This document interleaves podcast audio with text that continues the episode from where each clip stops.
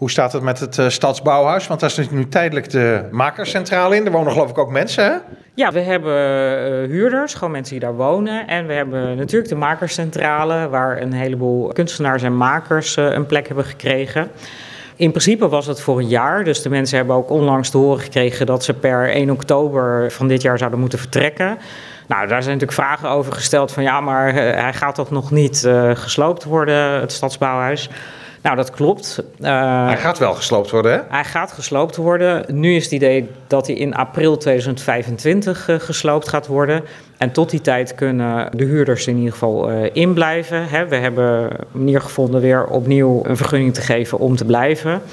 Uh, mocht het nou zo zijn dat de sloop alsnog weer uitgesteld wordt, hè, dat zou kunnen omdat uh, er ook vleermuizen zijn uh, aangetroffen, ja, dan kijken we natuurlijk of de mensen nog langer kunnen blijven. Maar in ieder geval, ze hoeven er niet per 1 oktober uit. Moet u eigenlijk voor een alternatieve plek zorgen of moeten de mensen die er nu gebruik van maken zelf iets anders zoeken?